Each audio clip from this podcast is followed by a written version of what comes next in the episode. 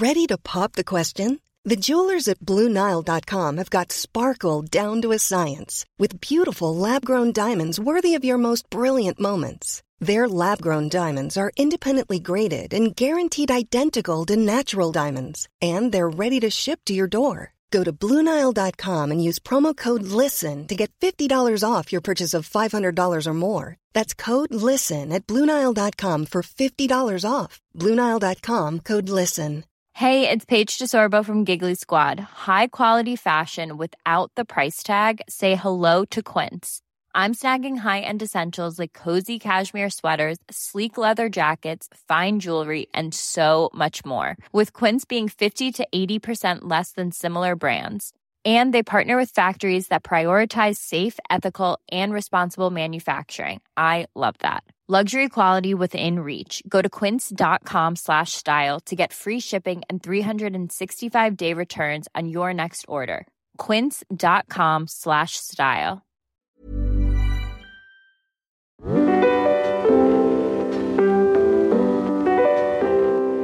Altså hvis din bil den går i stykker, så tager du den på værkstedet, ikke? fordi du skal på arbejde den hver dag.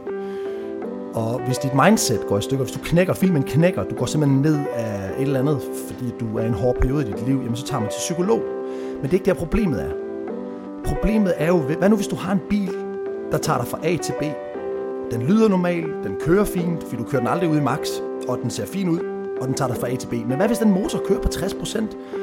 Det er du ubevidst inkompetent omkring. Du ved simpelthen ikke, du ikke ved det. Det er det, der er problemet med vores mindset. Vi ved ikke, at vi ikke ved det. Hvad hvis dit mindset kører på 10% af det, det kan?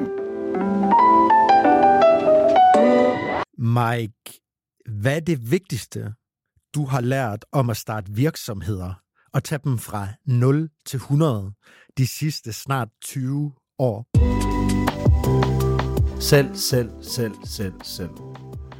Mange gange så har man en forudantaget indstilling om, at man skal gøre det og det og det, før det bliver perfekt, men altså, det er langt bedre at komme i gang med en halvdårlig plan, end det er at vente på den perfekte. Og når du er ude og sælge dit produkt, så får du feedback, og du får øh, modargumenter, og du, får, du, kommer, du går på en opdagelse. Du er faktisk ude og lave en lille øh, research, en lille forskning.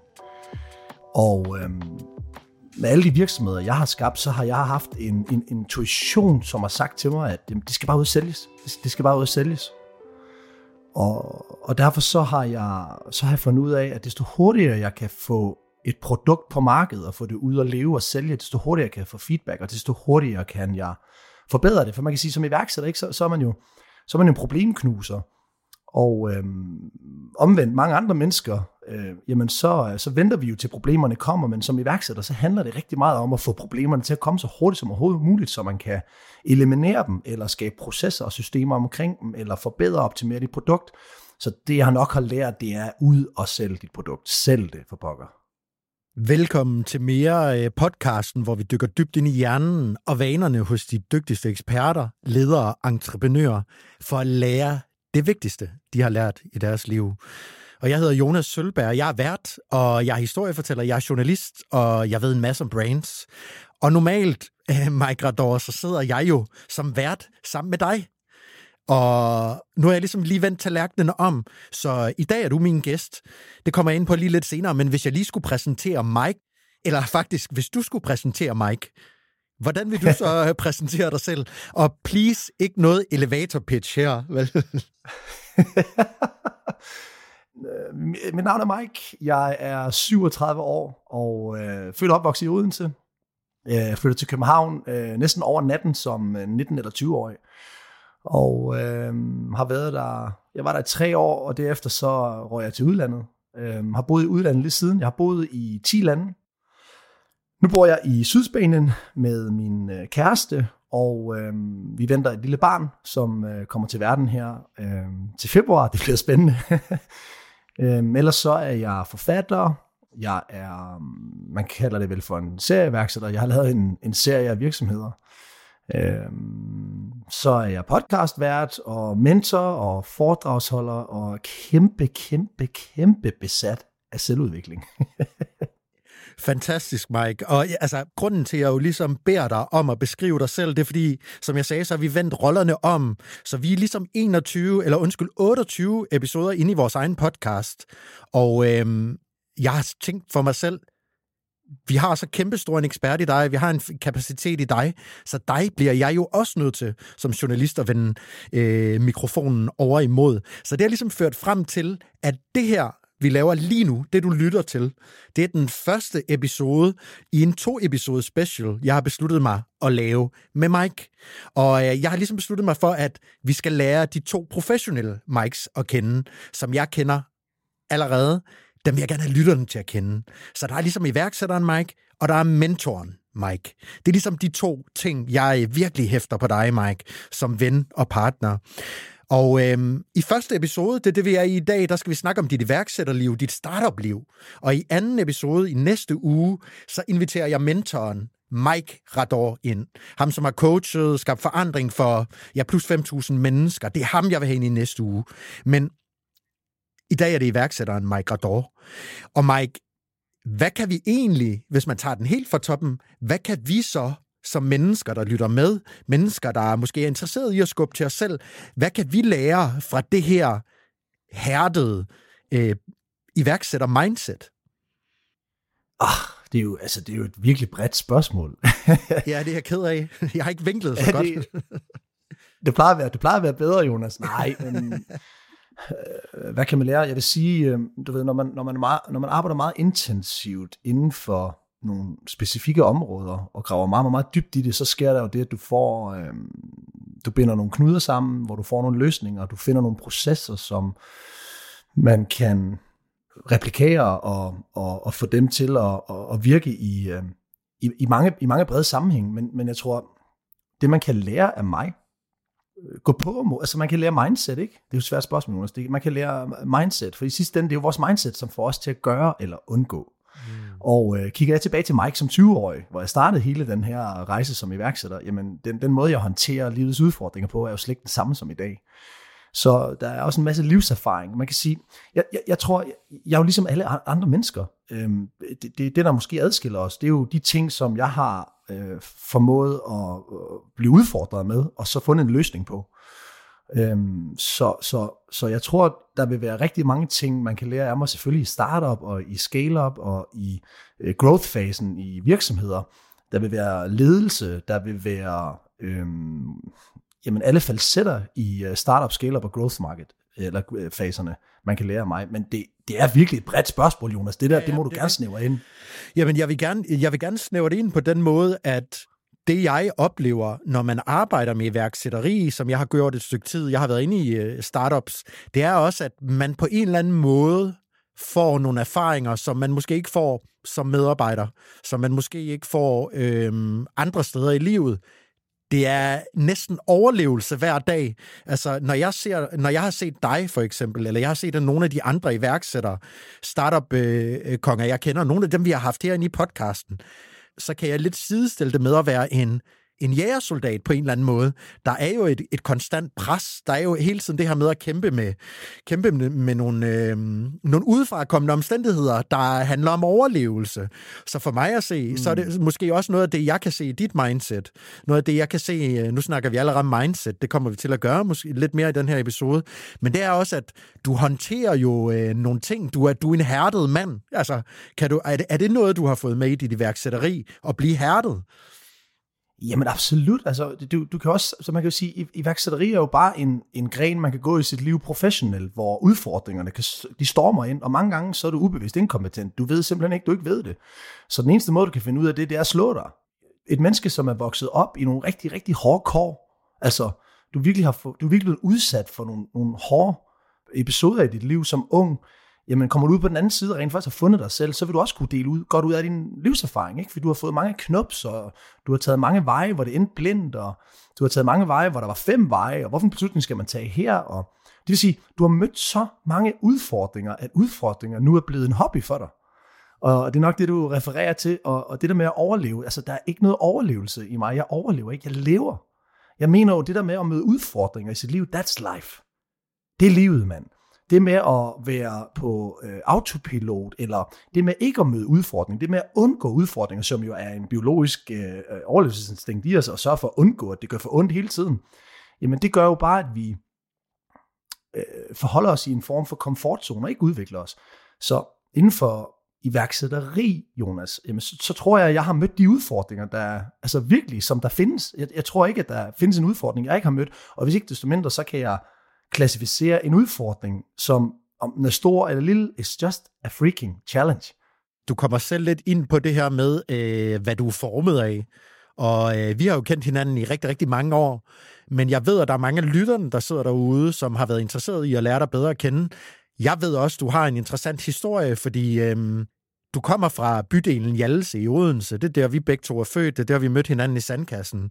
Og hvis man lige skal sådan male tonen, øh, male billedet, sætte scenen, så var det jo dengang et ret hårdt sted i Odense. Ikke? Altså, vi, er jo, vi, vi er jo født og opvokset i et boligkompleks i Odense Sydøst, som er sådan lige derude, hvor motorvejen den kan høres i baggrunden. Ikke? Og hvis man skal forstå det her iværksætter-mindset, som du har i dag, alle de udfordringer, du har været igennem, så synes jeg også, ligesom, vi bliver nødt til at forstå, hvad Mike kommer af. Så det vil jeg gerne lige bruge lidt tid på. Selvfølgelig. Så hvis du prøver at tage mig med tilbage til øh, den gang i din barne- og teenageår, øh, hvad var det i din barndom, tror du, som har formet den her sult, som man kan se i dig, den her konstante fremaddrift, du har? Jamen, det har jo helt sikkert været en barndom, hvor det ikke var så stabilt. Øhm, forstået på den måde, at øh, min kære far, som jeg ved er en trofast lytter, så far, den her, den går ud til dig. Jeg elsker dig. Og jeg får en lille tår i øjnene, når jeg siger det, for jeg elsker dig virkelig, far. Men, men ikke desto mindre, så har min far øh, lidt af psykisk lidelse, øh, da han var ung, øh, i mange år, uden at få, få det diagnoseret. Og det, øh, det skabte jo helt sikkert nogle udfordringer i øh, mor, mor fars forhold. Jeg, jeg var så ung, Jonas, at jeg vidste jo ikke, jeg ikke vidste det, så jeg troede bare, det var en normalitet. Men i og med, at øh, far ikke rigtig har været til stede, og mor hun har knoklet for at få det hele til at hænge sammen, og har beskyttet børnene, hvis far ligesom øh, havde en periode, hvor han var nede, eller, eller hvad det var, så, så har mor ligesom beskyttet os, og det har helt sikkert været hårdt for min mor, men, men jeg tror, min barndom, helt tilbage fra jeg var lille, den var meget præget af, at øh, der ikke var så meget balance i hjemmet måske. Øhm, den var også præget af, at nu hvor far var syg og ikke kunne gå på arbejde, så var der ikke så mange penge, øh, vi, kunne, vi kunne leve af. Det vil sige, at tage på ferie, ligesom alle de andre, var ikke normalt. Jeg blev, jeg blev sendt til problembørnsferien øh, i Hasmark, hvor øh, det var gratis og støttet af, øh, af staten. Og, øh, og der var der jo en masse børn, udsatte børn, som øh, havde lært at slås i stedet for at tale. Og det vil sige, øh, der blev jeg også indrulleret. som i det kvarter, vi boede, var der også nogle udsatte mennesker, nogle arbejdsklassemennesker, nogle mennesker, som, som måske kæmpede lidt mere end andre mennesker. Og det vil sige, at øh, selve uddannelsen af børnene var nok heller ikke så sofistikeret. Det var nok lidt mere øh, slag på tasken og så videre. Ikke? Så, så der, der var en masse slåskampe, der var knægt. Og det var 100% øh. Altså, jeg var verdens mest provokerende unge knægt så fik jeg en, fik jeg en røffel af, af Lennart, kan jeg huske, han hedder. Hvis jeg fik en røffel af Lennart øh, en aften, øh, så skulle jeg lige gå fem meter væk, inden jeg nåede at svine ham til igen, og så fik jeg en røffel mere. Øh, og det, jeg tror også, det er derfor, jeg lærte at løbe hurtigt.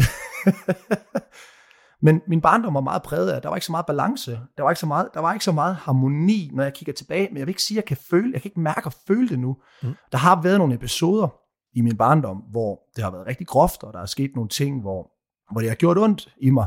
Ikke noget mishandel af forældre, noget som helst. Det er fantastiske forældre, jeg har. De har forsøgt at gøre det bedste, de kunne. Men det var et miljø, som var hårdere end mange andres miljø. Og det interessante er jo, Mike, at hvis man læser om børn, som i stort omfang har været presset i deres øh, barndom på den ene eller anden måde, det vil sige har skulle indtage en rolle, hvor deres antenner er ude så kan man jo øh, faktisk måle, at de får en højere sensitivitet. De får, øh, og man kan sige, at der er ligesom to veje at gå. Når man bliver mere sensitiv, så kan man enten øh, bruge det, eller man kan misbruge det.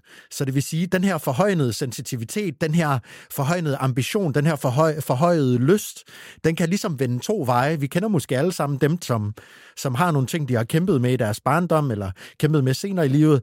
Det kan man jo vælge at bruge øh, som benzin. Jeg siger ikke, det er altid ens egen valg. Eller man kan, man kan, man kan vælge at bruge det som øh, en destruktiv kraft, eller blive brugt af det prøv lige at forklare mig, hvordan det her så har skabt en sult i dig. Fordi det er jo det, jeg ser mest. Det er jo fremaddrift, som du siger. Du siger selv, du kan løbe hurtigt. Øh, det, kan du, det kunne du dengang, det ved jeg. Jeg har set dig løbe. Men jeg har også set dig løbe nu som iværksætter. Jeg kan se den her sult. Hvordan hænger den sammen med det, du kommer fra? Det er også et godt spørgsmål. Øh, det, det er ikke noget, jeg har reflekteret synderligt over. Altså, jeg har ikke haft et behov for at gå tilbage i min barndom for at Nej. finde mig selv. Altså, jeg, jeg har virkelig øh, taget en beslutning om at skabe mig selv i mit liv. Mm. Og det er også det, man typisk ser hos rigtig mange mennesker. Nu har jeg også studeret rigtig mange mennesker, som har opnået succes i deres liv på, på de vilkår, de ønskede. Og, det, de, de har mange gange brugt mest tid i deres liv på at skabe sig selv. Så, så jeg har ikke tænkt over det her, Jonas, når jeg svarer dig. Det er det, jeg prøver at sige. Fair. Men, men jeg tror, jeg er blevet meget selvgående. Det vil sige, at jeg er blevet meget selvkørende, fordi der var ikke den support derhjemme, som, som jeg kunne få støtte af, så jeg blev nødt til at finde løsningerne selv. Det var ikke altid, jeg kunne køre, blive kørt til fodbold. Det var ikke altid, jeg kunne øhm, komme ned og få min, øh, mit slik om fredagen. Det var ikke altid, at der var, der var ikke nogen faste rammer og rutiner på samme måde, som der er måske er mange, mange andre hjem. Så jeg skabte min egen. Mm. Og det resulterede også i, da jeg blev ældre, jeg flyttede hjemmefra ret tidligt, ikke? Jeg flyttede hjemmefra som 17 år. Jeg fik jeg nok ikke, jeg synes det var tavligt, at mor hun skulle rende rundt og bestemme, hvornår jeg skulle vaske mit tøj. Jeg havde styr på det. Hvorfor skal jeg vaske mit tøj, når du bestemmer det? Altså, jeg, jeg vasker det, når jeg fucking har brug for det. Jeg tror, jeg, jeg blev skabt meget tidligt i forhold til at danne min egen holdning og danne min egen vej og gå min egen vej ret solidt, som jeg også øh, i den dag, i dag specielt er præget rigtig meget af. Jeg, jeg går min egen retning, jeg tager min egen beslutninger, jeg, jeg står op for det, jeg gerne vil. Hvor sulten kommer fra, ved jeg ikke, for jeg kan huske en gang, jeg er ude og gå med min far på Albanigade i Odense. Og øh, der lå der en gammel bygning dengang, hvor BG-banken, de, øh, de var de største der. Nu er Odense blevet bygget om, så dem, der får Odense at lytte til det her, de kan måske ikke genkende det. Men i hvert fald, så kan jeg huske, der var en penthouse-lejlighed deroppe. Og øh, det var i hvert fald, en, det vidste jeg faktisk ikke engang. Jeg vidste ikke, der var en penthouse-lejlighed, men jeg vidste, der var en lejlighed deroppe. Og så kigger jeg på min far. Jeg tror, jeg har været en 13-14 år. Og så siger jeg til ham, det op skal jeg bo, far. Der skal jeg bo. Og, og hvor jeg fik den fra, ved jeg ikke, men jeg tror, det hænger sammen med, at jeg havde også et miljøskifte. For vi flyttede jo fra, fra Jakob Hansens vej, som det kvarter, du snakker om, da vi var børn, Jonas. Det flyttede vi jo fra, øh, da min mor og far de, øh, blev skilt. Så flyttede vi ind til byen, så jeg byttede vennekreds også.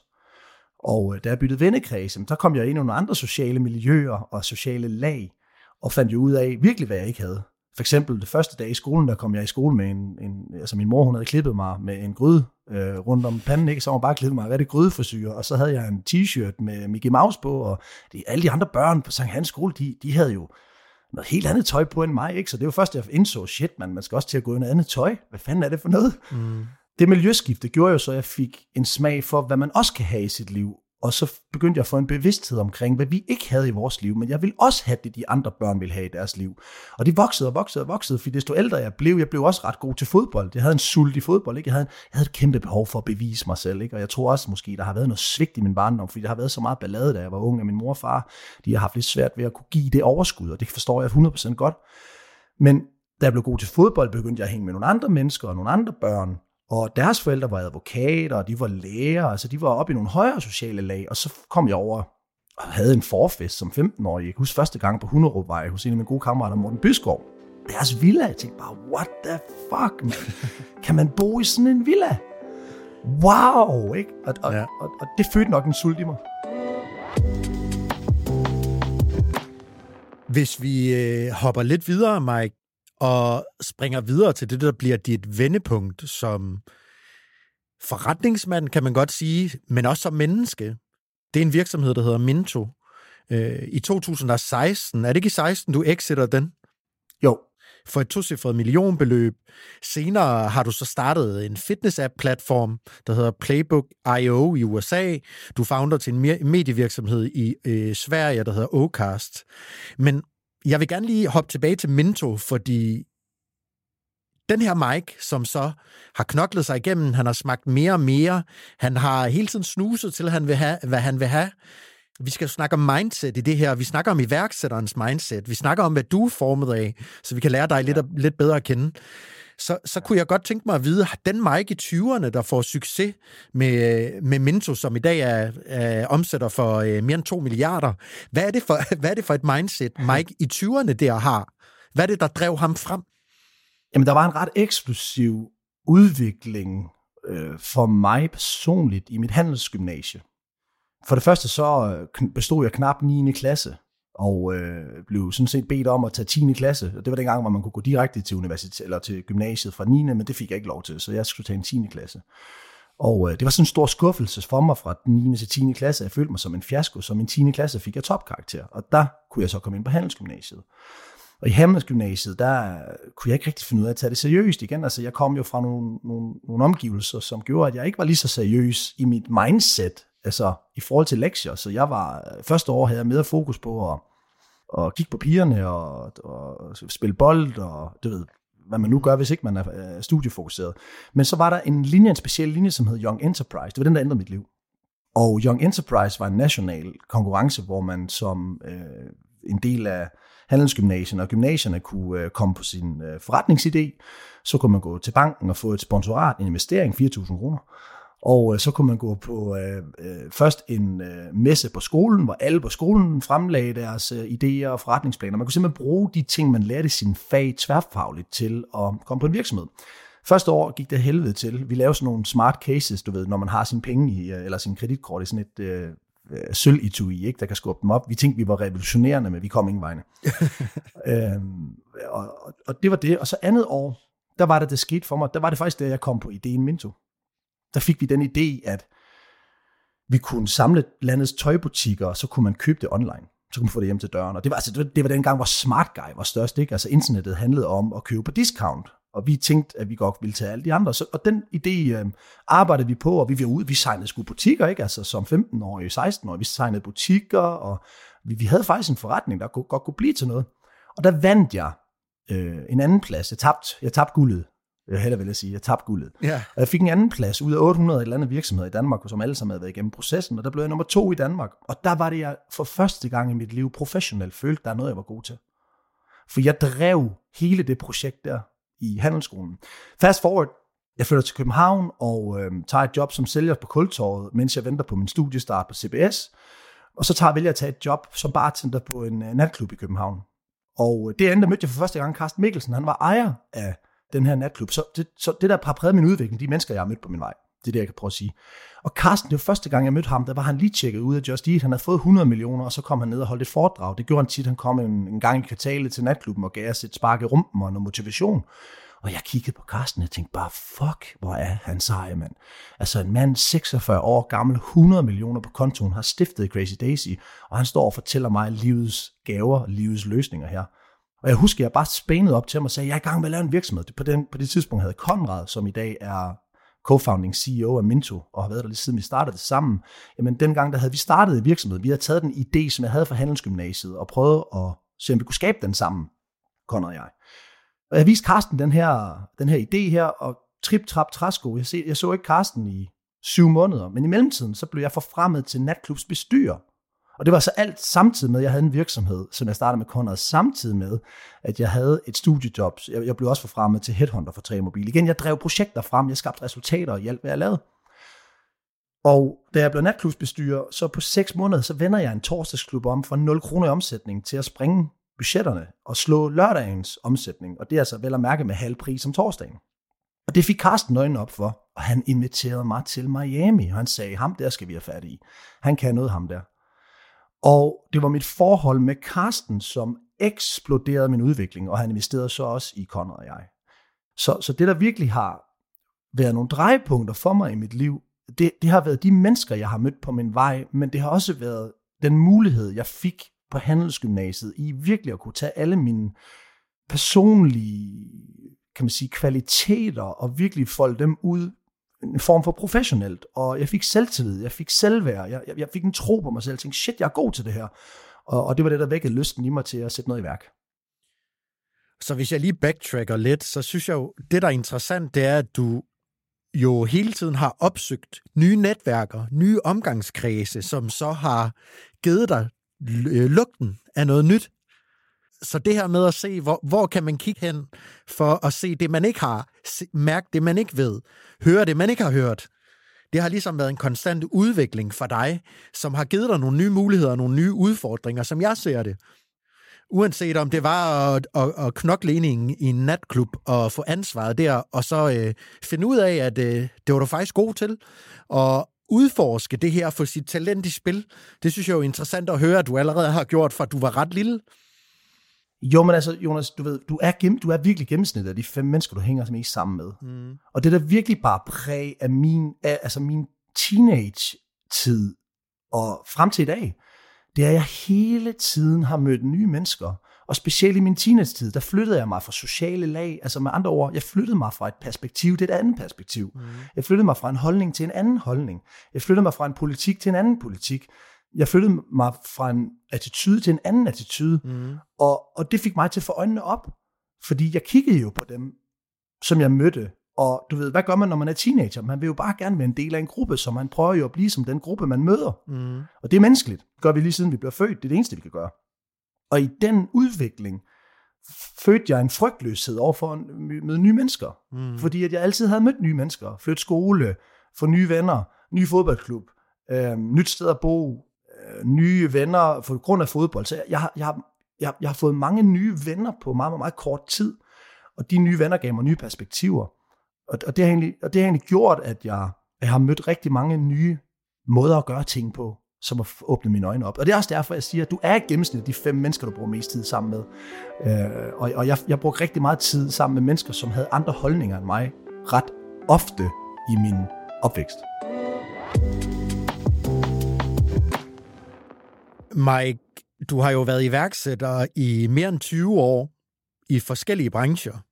Og øhm, jeg er interesseret i at vide, hvorfor at du egentlig har valgt at øh, mentorere folk i mere i dag. Du kunne have gået rigtig mange veje. Du kunne have åbnet døre rigtig, rigtig mange steder i hele verden til folk, der vi synes, du var et fedt menneske at få ind, der kunne øh, hjælpe dem med at skabe deres mission. Hvorfor er du mentor nu? Ja, det er et godt spørgsmål, Jonas. Jeg har altid haft en lyst til at dele løsninger, jeg kom på med andre. Det vil sige, øh, jeg var også den person, hvis jeg fandt, øh, fandt ud af algebraen i matematik, så skyndte jeg mig over til sidemanden og sagde, sådan skal du gøre. Så, så du ved, og jeg var ham den pisse irriterende, som folk, de vil jo gerne have lov til at løse lortet selv. Men jeg har altid haft en eller anden lyst til at dele det, jeg lærte. Øh, første gang, jeg mødte øh, konceptet selvudvikling, det var i forbindelse med Carsten Mikkelsen. Det var ham, der introducerede mig for det. Og øhm, da det gik op for mig, hvor vildt hurtigt, altså hvor vildt hurtigt min udvikling, min attitude, min holdning, min måde at gøre ting på, min måde at se på ting på, min måde at tænke på og løse problemer på, det bare eksploderede bare ved en bog jamen der blev jeg bit af det. Jeg blev simpelthen bit af den udvikling. Men prøv lige at fortælle mig, når du siger selvudvikling, hvad mener du så egentlig? For det er jo et meget, en meget bred term, som kan fylde så meget øh, forskelligt for så mange mennesker. Hvad er selvudvikling for ja. dig? Jeg kan prøve at komme med en anekdote, eller prøve at komme med en parallel. Altså hvis din bil den går i stykker, så tager du den på værkstedet, ikke? fordi du skal på arbejde i den hver dag. Og hvis dit mindset går i stykker, hvis du knækker, filmen knækker, du går simpelthen ned af et eller andet, fordi du er i en hård periode i dit liv, jamen så tager man til psykolog. Men det er ikke der problemet er. Problemet er jo, hvad nu hvis du har en bil, der tager dig fra A til B? Den lyder normal, den kører fint, fordi du kører den aldrig ud i max, og den ser fin ud, og den tager dig fra A til B. Men hvad hvis den motor kører på 60%? Det er du ubevidst inkompetent omkring. Du ved simpelthen ikke, du ikke ved det. Og det er det, der er problemet med vores mindset. Vi ved ikke, at vi ikke ved det. Hvad hvis dit mindset kører på 10% af det, det kan.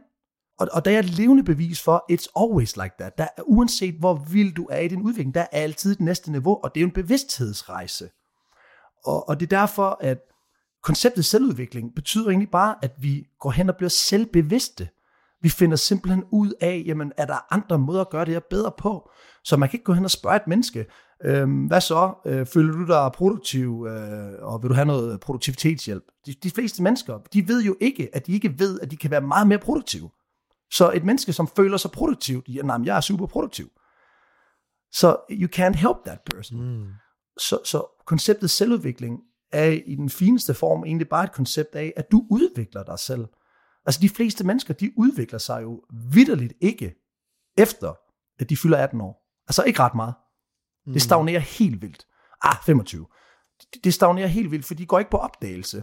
De hænger med de samme mennesker, de er på det samme arbejde, de øh, læser ingen bøger, de ser tv-avisen og nyhederne, men der er ikke noget, som får dem til at stoppe op og tænke, hey, vent nu lige lidt, hvordan står det egentlig til i mit liv? Mm. Fordi vi er jo som mennesker også tilrettelagt sådan, at vi lærer at se os tilpas med tingene. Mm. Og så tør vi ikke at tro på, om der er noget, der er større, eller vi ved faktisk ikke, der er noget, der er større. Så for eksempel noget, der kickstartede hele min rejse, Jonas, det var et spørgsmål, jeg fik af Carsten. Han sagde, Mike, husker du, hvad der gør dig glad og energisk hver dag? Jeg sagde, hvad mener du med det? Jamen, hvad gør dig glad og energisk? Det har jeg sgu aldrig tænkt over, sagde jeg. Jamen, skriv det lige ned. Find 10 ting. Så tænkte jeg, what? Så gik jeg hjem og skrev 10 ting ned og kom tilbage til ham og sagde, det er de her ting her. Så jeg gud, husk, husk du at gøre de ting? Og så var der altså seks eller syv af de ting på listen, som jeg aldrig fik gjort. Så siger han, øh, hvad mener du? Jamen, hvis det gør dig glad og energisk, hvorfor får du dem så ikke gjort? Og sådan havde jeg aldrig nogensinde set på det før. Et andet spørgsmål, som man også gav mig. Mike, har du nogle mennesker, som du lige skal lette luften med? Du ved, du skal lige øh, rense luften ud med de her mennesker her. Ja, det havde jeg da. Jeg havde en kammerat, som jeg ikke havde så godt forhold med. Og så sagde han, super, ring til dem. Clean, clean out the air. Og, og du ved, bare de to ting, det, det fik mig til at se, shit mand, der er så mange ting, jeg ikke ved, jeg ikke ved. Og fik mig også til med, med, med årene at indse, jamen kvaliteten af mit liv er jo i den grad styret af de kvalitetsspørgsmål, jeg stiller mig selv. Med andre ord, selvevaluering. Når du får nogle spørgsmål, der får dig til at tænke nye baner, det er der, du finder udviklingen. Mm. Så ordet og konceptet selvudvikling handler om at øge din bevidsthed.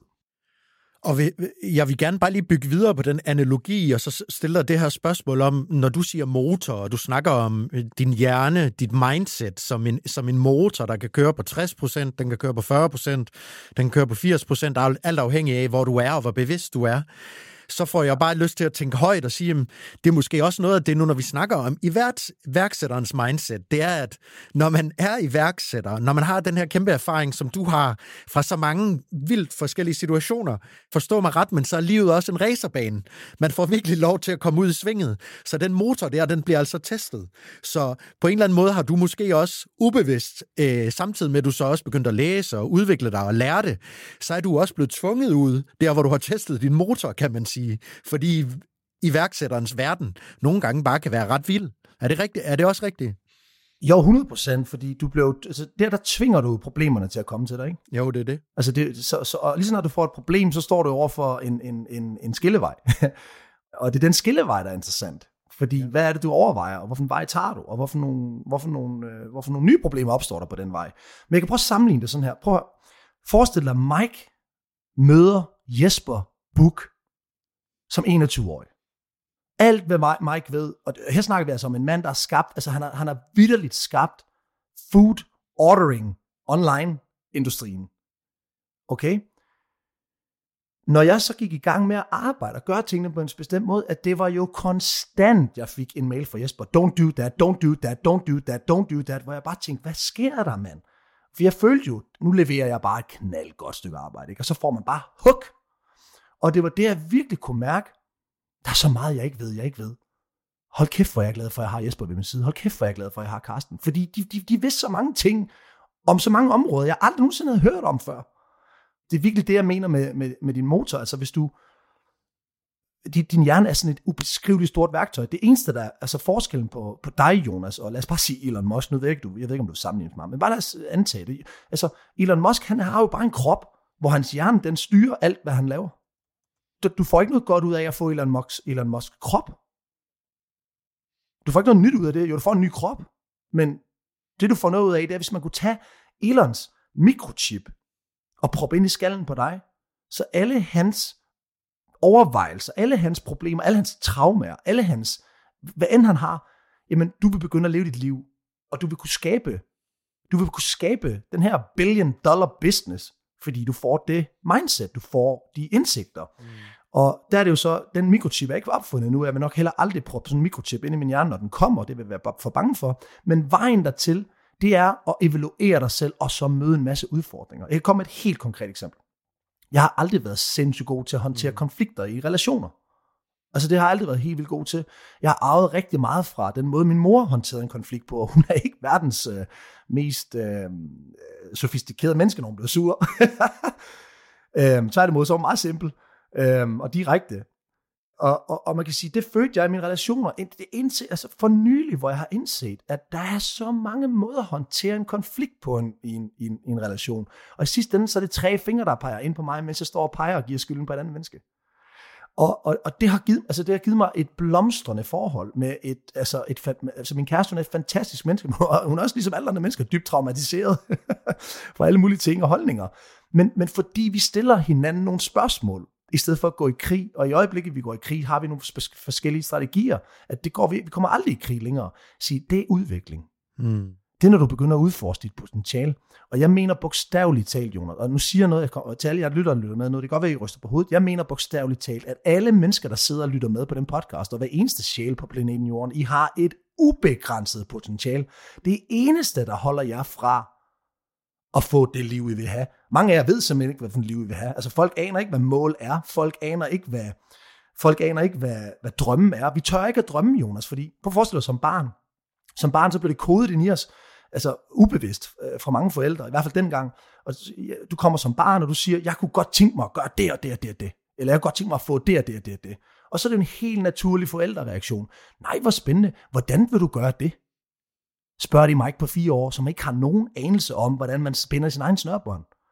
Så i det øjeblik, så får jeg en angst af, jamen jeg ved ikke, hvordan jeg skal gøre det, okay, så dropper jeg det. Så det det der med at drømme, det, det bliver kodet ind i os. Hvis ikke vi ved, hvordan, så kan du lige så godt glemme det. That's a lie. Det er jo bare, det er jo bare en, det er et fatomorgana.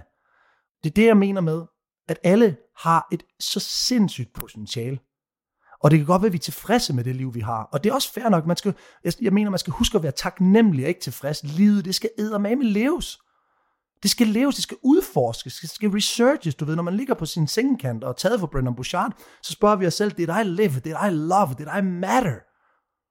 Og de tre kan du ikke svare på, hvis ikke du har levet, hvis ikke du har chancet, hvis ikke du har forsøgt at blive en bedre udgave af dig selv. Så ja, vi, vi ved simpelthen ikke, at vi ikke ved det. Og det kan man lirke op via spørgsmål.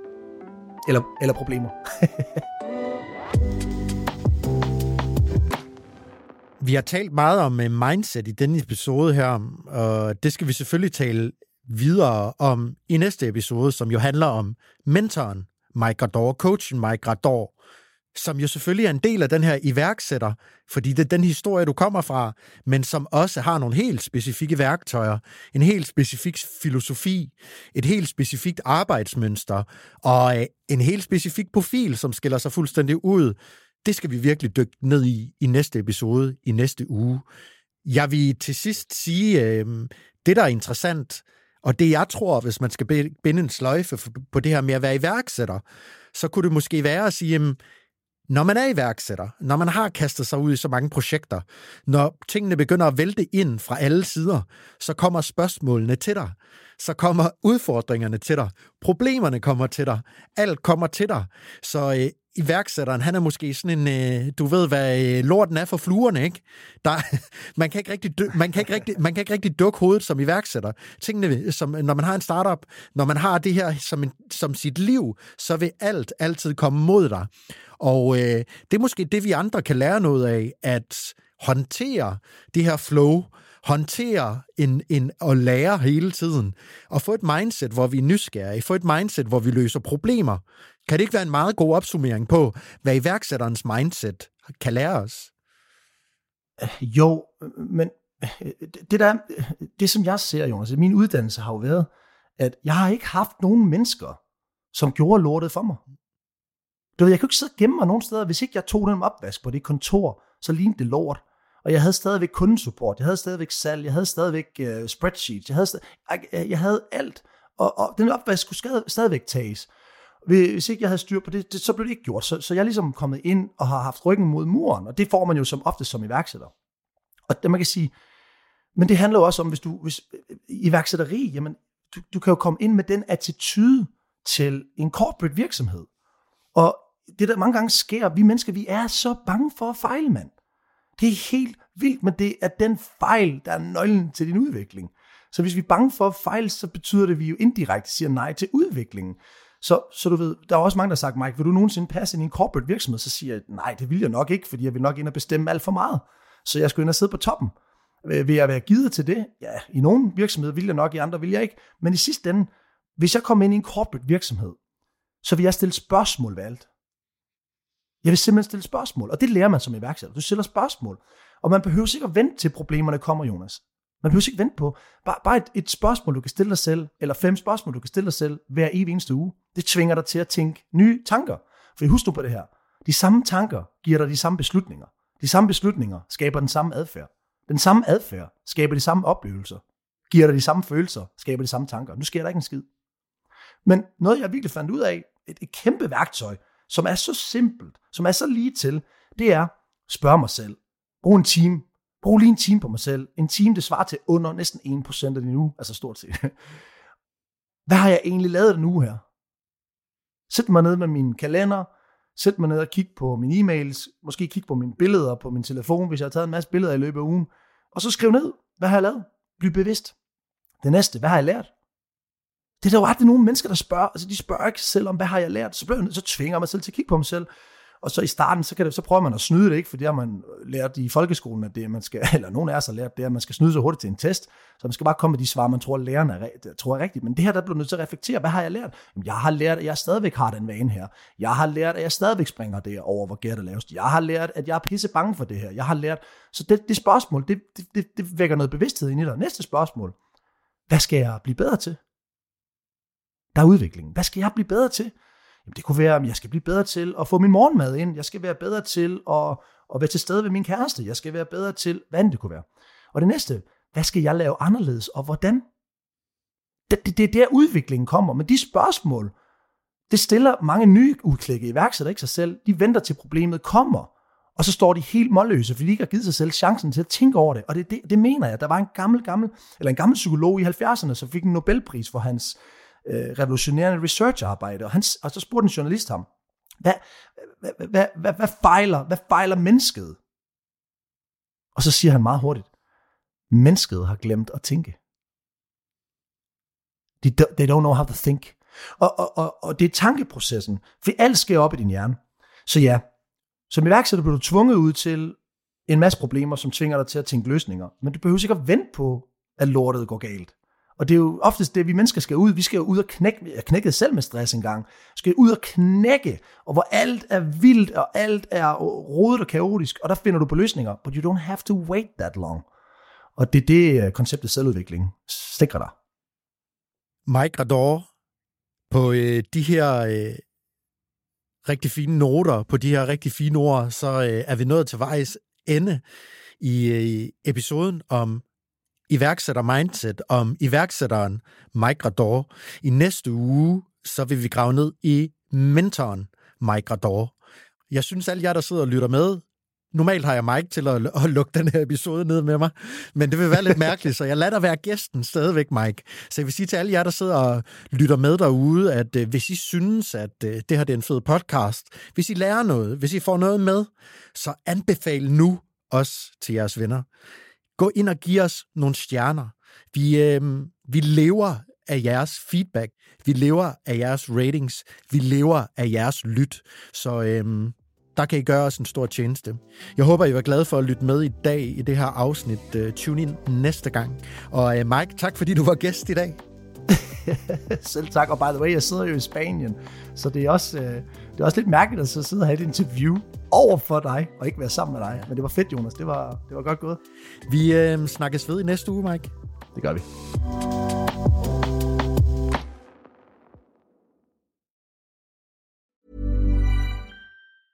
Even when we're on a budget, we still deserve nice things.